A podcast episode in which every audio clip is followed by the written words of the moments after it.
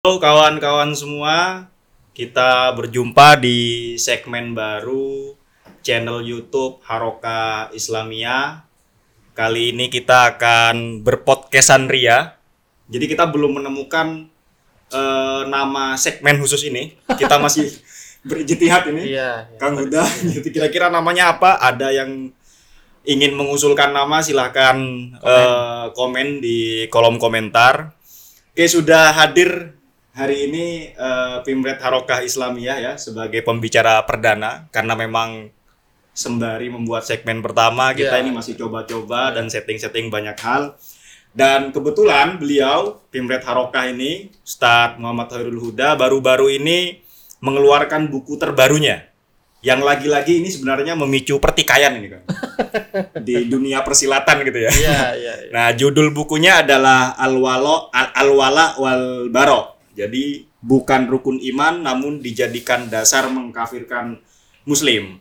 Nah, kawan-kawan kita hari ini akan mencoba mereview dan membahas buku ini eh, bersama penulisnya langsung kira-kira ini buku tentang apa, isinya apa dan yang lebih penting lagi mengapa kalian semua harus baca buku ini. Itu Ustaz Huda. Siap, siap.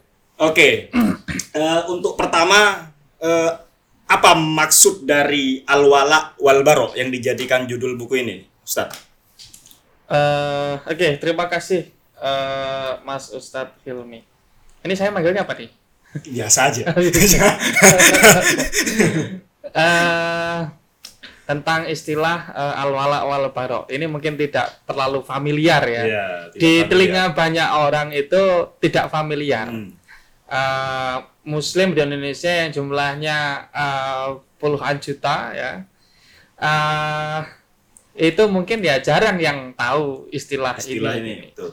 Tetapi ada komunitas ya di apa namanya eh, kalangan umat Islam ini yang mengenal istilah ini al-wala wal baro.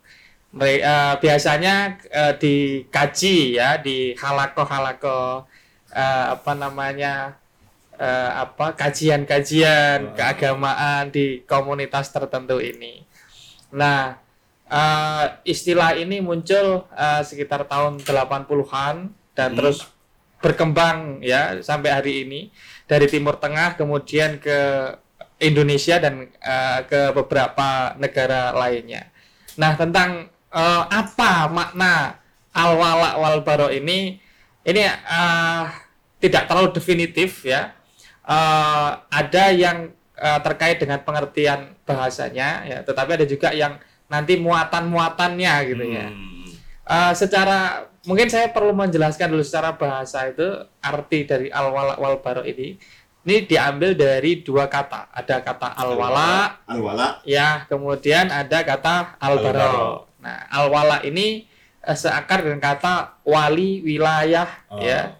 Kemudian maula Mm-mm. eh, dan eh, seterusnya. Artinya eh, adalah cinta, kemudian pembela, membela gitu. Eh, kemudian apalagi ya selain eh, senang dan membelanya. Nah, ini eh, pengertian dasar dari kata al-wala. Mm-mm. Eh, kalau al-bara sendiri itu eh, pada mulanya menjauhi sesuatu ya, kemudian menjauhi, membenci dan memusuhi, memerangi. Baro itu merdeka, Iya, terlepas. berlepas diri, Berlepas iya. diri. Oke. Eh, nah, ini pengertian eh, kebahasaannya. Jadi ada dua kata, ada kata al-wala dan ada kata al-baro. Biasanya digandengkan cara Oke. penyebutannya itu al-wala wal baro. Oke, tadi uh, Ustadz Huda ngomong ini istilah yang segmentasi pengkajinya sebenarnya sangat minoritas Terbatas, ya, ya, sangat terbatas, terbatas. sekali. Eh, pertanyaan saya adalah al-wala wal baro ini kalau dalam terminologi yang lebih umum Hmm. ini disamakan dengan apa? Apa rukun iman, rukun Islam atau teologi alusunah wal jamaah atau nama Iya, kelompok? Nah, kira-kira apa padanannya gitu? Eh, ini sebenarnya adalah eh, sejenis doktrin ya. Doktrin. sejenis ajaran eh, yang merupakan pengembangan dari eh, penafsiran terhadap eh, Al-Qur'an, hadis dan eh, apa? eh, pandangan kelompok eh, komunitas muslim tertentu lah ya. Nah, ini tidak tidak apa namanya? eh bukan terkait dengan akidah ya eh, pada mulanya pada mulanya bukan terkait pada akidah. mulanya tidak terkait dengan akidah Hmm. eh, tidak terkait secara langsung ya tapi lebih terkait dengan perilaku manusia ya Hmm. tindakan-tindakan eh, perilaku manusia terutama umat Islam yang eh, di sana dinilai bertentangan eh, dengan ajaran Islam tetapi pada level yang paling ekstrim eh, dia ditafsirkan sebagai seperti akidah gitu.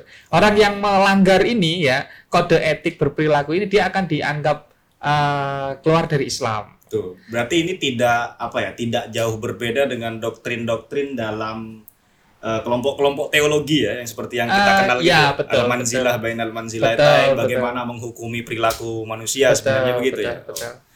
Eh, Oke, itu tadi eh, kilas sekilas tentang eh, makna al-wala wal baro. Lalu tadi Ustadz Huda menyebut eh, komunitas Muslim tertentu. Ya. Nah, kira-kira siapa komunitas Muslim tertentu yang menggunakan doktrin al-wala wal baro? Eh, saya perlu mungkin apa nambahkan dulu ya. Tadi Ah. kan saya eh, sudah menyinggung tentang pengertian eh, secara bahasa dari Secara kata al-wala Ah. dan al-baro. Eh, ada juga pengertian yang di sana eh, konstruktif sifatnya ya, Hmm. yang digunakan untuk mengisi apa sih arti dari eh, al-wala wal baro ini. Jadi eh, al-wala ini sering diartikan sebagai kesetiaan, cinta, eh, pembelaan itu hanya diberikan kepada Allah Subhanahu wa taala, Hmm. kemudian Rasulullah dan agama begitu ya. Nah, ini eh, pengertian eh, konstruktif dari kata eh, al-wala ya. Al-wala. Kemudian al-bara sebaliknya, ini adalah eh, berarti tidak loyal, tidak setia ya kepada agama Allah dan Rasulullah sebagai eh, pembawa agamanya ya. Nah, eh, di dalam eh, apa pengertian yang dikonstruksi ini ya eh, ada beberapa hal yang saya sebut tadi bahwa eh, ini sebenarnya adalah terkait dengan perilaku manusia. Nah, perilaku manusia itu kalau di dalam agama se- eh, sejatinya adalah terkait dengan persoalan hukum Persoalan, haram, ah, fikih tidak lah ya, haram, kenal fikih fikih. ya, hukum Islam. Hmm. Eh, bukan persoalan akidah, tetapi dalam isu eh, yang dikembangkan dalam al-wala wal bara ini ditarik dari yang tadinya persoalan perilaku kepada persoalan terkait dengan keyakinan. Oh, oke. Jadi eh, kalau orang melakukan itu berarti dia tidak muslim. Ah. Berarti dia eh, dia dia eh, sudah keluar dari Islam. Berarti yang di yang disasar bukan status perilakunya, Ya. tapi kemudian status keislaman dan Ya, keimanannya Betul. gitu. betul. Oke. Contoh sederhananya adalah penggunaan kalender Masehi. Ah, Nah, ah. kita kan setiap hari kale- eh, kalender yang kita gunakan itu kan pakai eh, apa Ya, namanya Masehi begitu ya. Masehi, Januari Januari, sampai- Februari sampai Desember. Ini kan kalender-kalender eh, Masehi dan itu menjadi kalender nasional Ah. selain eh, kalender Hijriah Betul, begitu ya. betul. Nah, bagi sebagian yang eh, mengembangkan eh, apa awal awal baro ini yang percaya dengan konsep ini eh, tidak boleh satu ya. Yang kedua ya bisa menyebabkan kekafiran. Kekafiran. Kenapa? Karena dia menyerupai eh, komunitas sekali dunia ya, muslim. oke. Iya. Berarti Anda yang masih menggunakan tanggal lahirnya masih Masehi itu Iya. menurut kawan-kawan kita yang mengkaji al-wala wal baro itu Iya. kafir begitu. Iya, iya. Padahal Menurut sebagian ya, ya, menurut sebagian. Padahal kita tahu eh, mungkin jarang sekali ya orang muslim yang hafal penanggalan hijriah ya.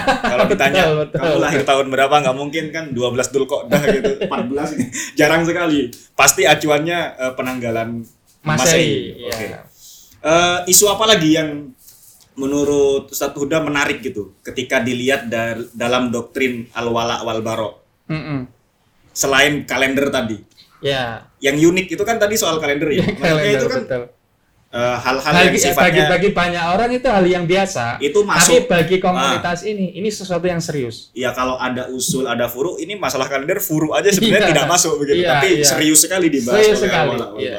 nah selain masalah kalender misalnya Ustadz Huda Eh, misalnya adalah soal eh, bagaimana ketika kita eh, bepergian ke negara-negara yang minoritas Muslim, ya, Ah, misalnya negara-negara negara Eropa, Eropa ataupun negara-negara di Amerika Utara atau di Jepang atau ke mana pun ya, itu juga eh, bagian dari eh, apa? eh, terkait juga dengan konteks al wal baro. Hmm. ya al-wala wal bara di mana eh, para pengembangnya ya itu mempercayai eh, negara kawasan yang minoritas muslim itu adalah sebagai darul kufri negara Oh, kekafiran Oke.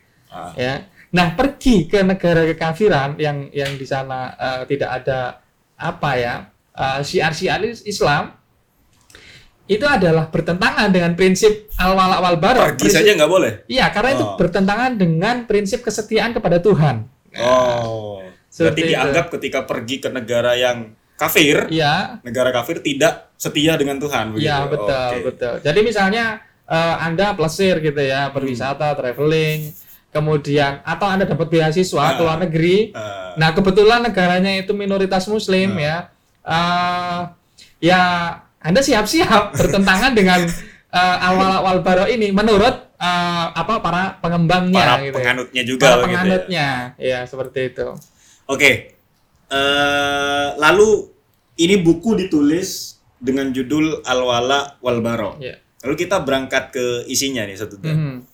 Ini buku untuk mengafirmasi Mhm. otoritas atau Ya. kebenaran Al-Wala wal Baro Ya. atau mungkin Anda penganut atau yang menolak begitu.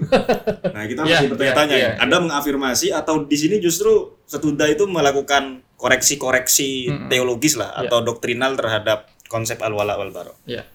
Kalau di buku ini sebenarnya lebih kepada potret ya. Ah. Potret perdebatan, kontroversi ya antara yang setuju dengan yang tidak, Tidak setuju. setuju.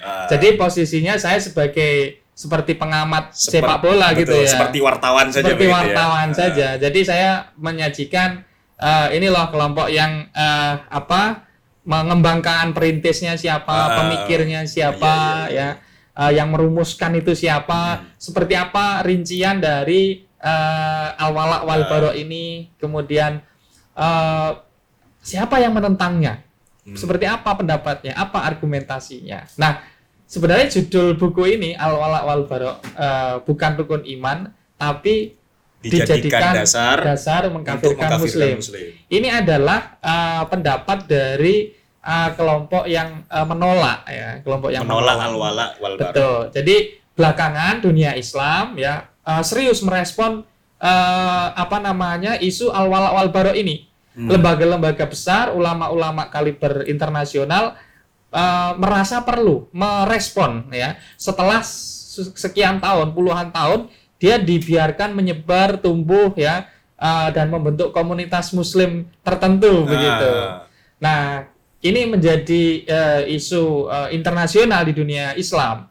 Lembaga-lembaga seperti Al Azhar, kemudian Darul Ifta Mesir, eh, s- berikut cabang-cabangnya yang eh, di seluruh penjuru dunia, kemudian eh, Europe Council, Hmm. eh, Dewan Fatwa eh, di Eropa ya yang eh, salah satu tokohnya eh, itu adalah eh, Syekh Abdullah bin Bayyah, eh, tokoh-tokoh seperti eh, Syekh eh, Dr. Yusuf Al-Qardawi, Hmm. eh, Syarif eh, Al-Hatim Al-Auni dari eh, Arab Saudi, eh, ada cukup banyak ya sarjana ulama dari Al-Azhar yang eh, sepertinya agak keberatan ya dengan tafsir yang ekstrim terhadap Oh. konsep al-wala wal baro. Ya. Eh, kalau pengertian-pengertian dasarnya sih tidak masalah, Hmm. cuman seperti tadi ada hal-hal yang sebenarnya tidak perlu sampai ke level kafir mengkafirkan soal penggunaan kalender Ah, lah ya. sebenarnya sepele lah begitu ya. Eh, ya seperti itulah Tapi kok kira-kira. serius Kok gitu serius sekali ya. banget gitu. Ini serius banget nih debat Serius kalender banget. begitu ya. kalender aja masa sampai kafir sih gitu loh. Nah, ini yang ta- kalau di al-wala wal bara ditafsirkan sampai seperti itu ya eh, tentu kan ini menjadi sesuatu yang kontraproduktif ya. Ah. Eh, tidak substansial tapi kemudian dijadikan alat untuk eh, membuat keributan ya Betul betul betul. betul. menyesatkan mengkafirkan eh, muslim yang Nah, lain perhatian para ulama-ulama khususnya di Timur Tengah terhadap doktrin al-wala wal bara sehingga memunculkan perdebatan Hmm. itu apakah didorong oleh eh, semakin meluasnya kasus-kasus terorisme yang Hmm. mengatasnamakan dirinya sebagai Ya. gerakan keagamaan Ya. atau didorong oleh eh, faktor yang lain itu? Eh, ya, eh, isu atau respon ya lebih tepatnya eh, terhadap eh, penyebaran eh, ajaran al-wala wal bara ini memang tidak bisa dilepaskan dari konteks global hari Konteks ini global, ya ya, di mana dunia internasional itu ya memang menganggap masalah ya eh, apa namanya aksi-aksi eh, pengeboman terorisme aksi-aksi dan kekerasan ya itu diyakini ber- berasal berakar eh, pada eh, radikalisme Hmm. ekstremisme nah salah satu eh, yang memicu itu ya eh, konon adalah eh, ajaran tentang eh, al-wala wal wal yang tafsir versi tafsir yang ekstrim, ekstrim gitu ya. yang sampai kalender tadi Betul, itu. sampai kalender itu. Berarti kita anggaplah kelompok al-wala wal baro kalender. Iya. madhab kalender gitu ya.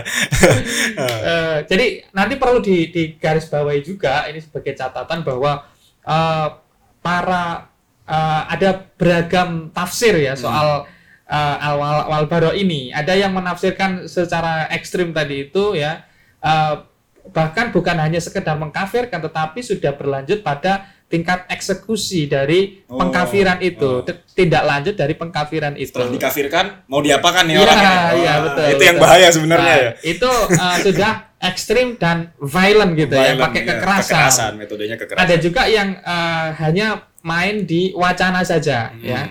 Uh, kelompok ulama yang lain ya itu ada yang menolak secara total itu bukan bagian dari Islam. Al-wala wal itu tidak punya sejarah dalam uh, khazanah literatur keislaman, teologi keislaman itu nggak Iya, pernah iya, iya. ada gitu ya. Eh, ada itu justru di kelompok-kelompok yang dianggap heterodok ya, dianggap eh, dianggap eh, munharifah atau Munharifah. menyimpang. Nah, eh, kemudian eh, ini menolak total ya, Hmm. Eh, terutama para sarjana yang terafiliasi dengan eh, Mesir ya, eh, itu pada umumnya menolak secara total. Tetapi ada juga yang tidak menolak secara total, hanya ditolak tafsir yang ekstrim. Seperti tadi itu. oh ya yang tidak ekstrim ya oke lah Oke begitu lah gitu ya. Karena sejatinya kalau diartikan al wala wal barok setia kemudian menjalankan syariat eh, ajaran Islam begitu, itu tidak masalah gitu ya. Hmm. Tidak menjadi soal, tapi kalau eh, ditafsirkan lebih jauh, lebih ekstrim lagi, nah ini yang menjadi eh, masalah. Artinya perlu dieliminir yang seperti ini, tafsir-tafsir betul, semacam betul, betul. ini Ah. dikembalikan kepada tafsir-tafsir yang eh, eh, di sana me- apa lebih tasamuh ya lebih toleran kemudian lebih bernuansa kerahmatan Hmm. nah ini seperti yang disampaikan misalnya oleh eh, Syekh Syarif eh, Hatim Al Auni dari Arab Saudi Iya. jadi beliau eh, ya ini tidak perlu ditolak secara, eh, Secara total, total. gitu ya. Eh, dan prinsipnya sejatinya kalau ditelaah al-wala wal bara ini tidak bertentangan dengan toleransi dengan eh, apa eh, kerahmatan visi kerahmatan Islam. Hmm. Nah, yang eh, kalau ada yang menafsirkan yang ekstrim begitu, eh, apalagi yang sampai menerjemahkannya dalam bentuk kekerasan, tentu itu menyimpang. Ya, tentu itu menyimpang. Nah, itu perdebatan yang ada gitu ya. Oke, ya menarik sekali sebenarnya buku ini. Tapi alangkah baiknya kalau teman-teman langsung menikmati Iya. dari bukunya lembar per lembar dan harus kita akui hari ini kita menghadapi satu apa satu kenyataan ya bahwa ada kelompok keagamaan yang visi misinya itu adalah kekerasan begitu. Nah, kalau teman-teman bertanya mengapa mereka melakukan kekerasan, mereka mengapa mereka melakukan tindak-tindak terorisme dan lain sebagainya. Nah, salah satu unsur yang mendorong itu adalah doktrin. Ya. Unsur doktrinal yaitu salah satunya adalah al-wala wal bara dan buku Sadarul Huda yang Anda saksikan di depan ini adalah buku yang memotret Mhm. soal perkara doktrin al-wala wal bara itu. Jadi sekali lagi buku ini cocok Anda miliki dan kawan-kawan baca khususnya bagi yang terus bertanya-tanya ya mengapa ada kekerasan dalam beragama, mengapa orang terdorong gitu niat untuk melakukan kekerasan. Ya, ya. Nah, semuanya se- secara tidak langsung akan dijelaskan dalam buku ini. Terima kasih Ustadz Hoirul Huda eh, di segmen pertama kita Haroka Podcast pada Yang belum tahu bentuknya, yang belum tahu bentuknya dan namanya nanti eh, tunggu saja. tunggu saja re- apa rilis resminya begitu ya Eh, sekian mungkin eh, perbincangan kita pada kesempatan eh, sore hari ini ya di sini Eh, teman-teman uh, jangan lupa terus menyaksikan konten-konten Haroka Islamia dan terima kasih. Assalamualaikum warahmatullahi wabarakatuh. Waalaikumsalam warahmatullahi wabarakatuh.